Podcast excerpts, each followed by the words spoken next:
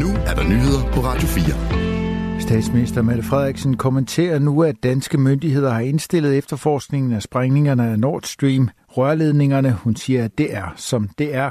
Det tager jeg af notam. Jeg kan ikke gøre så meget ved det, siger hun. Ja, til formiddag kom det frem, at den danske efterforskning af sprængningerne af Nord Stream-rørledningerne stoppes.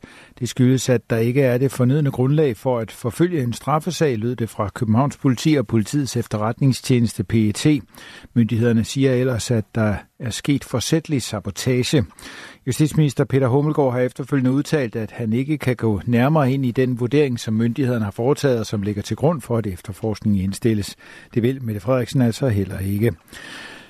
Torsdag har Dmitry Peskov, der er talsmand for den russiske præsident Vladimir Putin, kaldt det tæt på absurd, at efterforskningen indstilles. Ruslands ambassadør i Danmark har i en skriftlig kommentar til Ritzau skrevet, at Danmark fra starten ikke har vist nogen interesse i at identificere bestillingspersoner, arrangører og gerningsmænd bag sabotagen.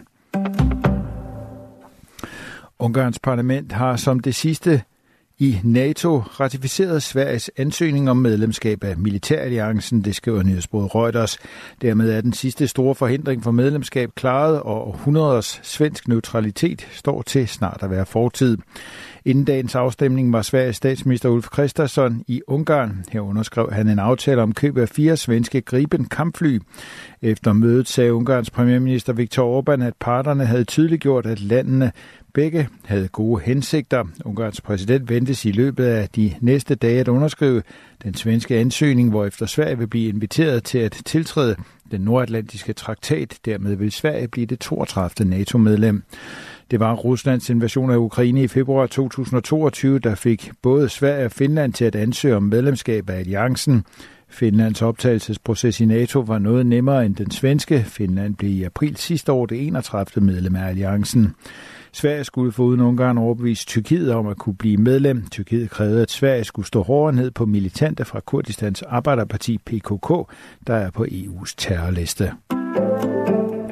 Det danske medicinalselskab Sealand Pharmas aktiekurs er braget i vejret i løbet af i dag ved børsens lukketid kl. 17 er selskabet steget 35,7 procent i værdi siden fredagens lukkekurs. Det er den største stigning i procent for noget selskab i C25-indekset, siden indekset blev oprettet den 18. december 2017. Dagens stigning kommer efter, at Zealand Zealand Pharma offentliggjorde testresultater for midlet Suvudutid, som kan bruges til behandling af fedtlever. Resultaterne viser, at 83 procent af de patienter, der blev behandlet med suvodutid, efterfølgende var i bedre sundhedstilstand. En række kommunale hjemmesider har været udsat for overbelastningsangreb de seneste dage, det skriver flere regionale TV2-medier. I går galt det Tisted og Odense Kommune, mens det i dag er gået ud over Horsens, Helsingør og Vejle. Ifølge TV Syd har også Esbjerg Kommunes hjemmeside været under angreb. Det er såkaldte DDoS-angreb, der har forsøgt at overbelaste hjemmesiderne. De har til formål at oversvømme eksempelvis en server med forspørgseler. Det kan få serveren til at bryde sammen.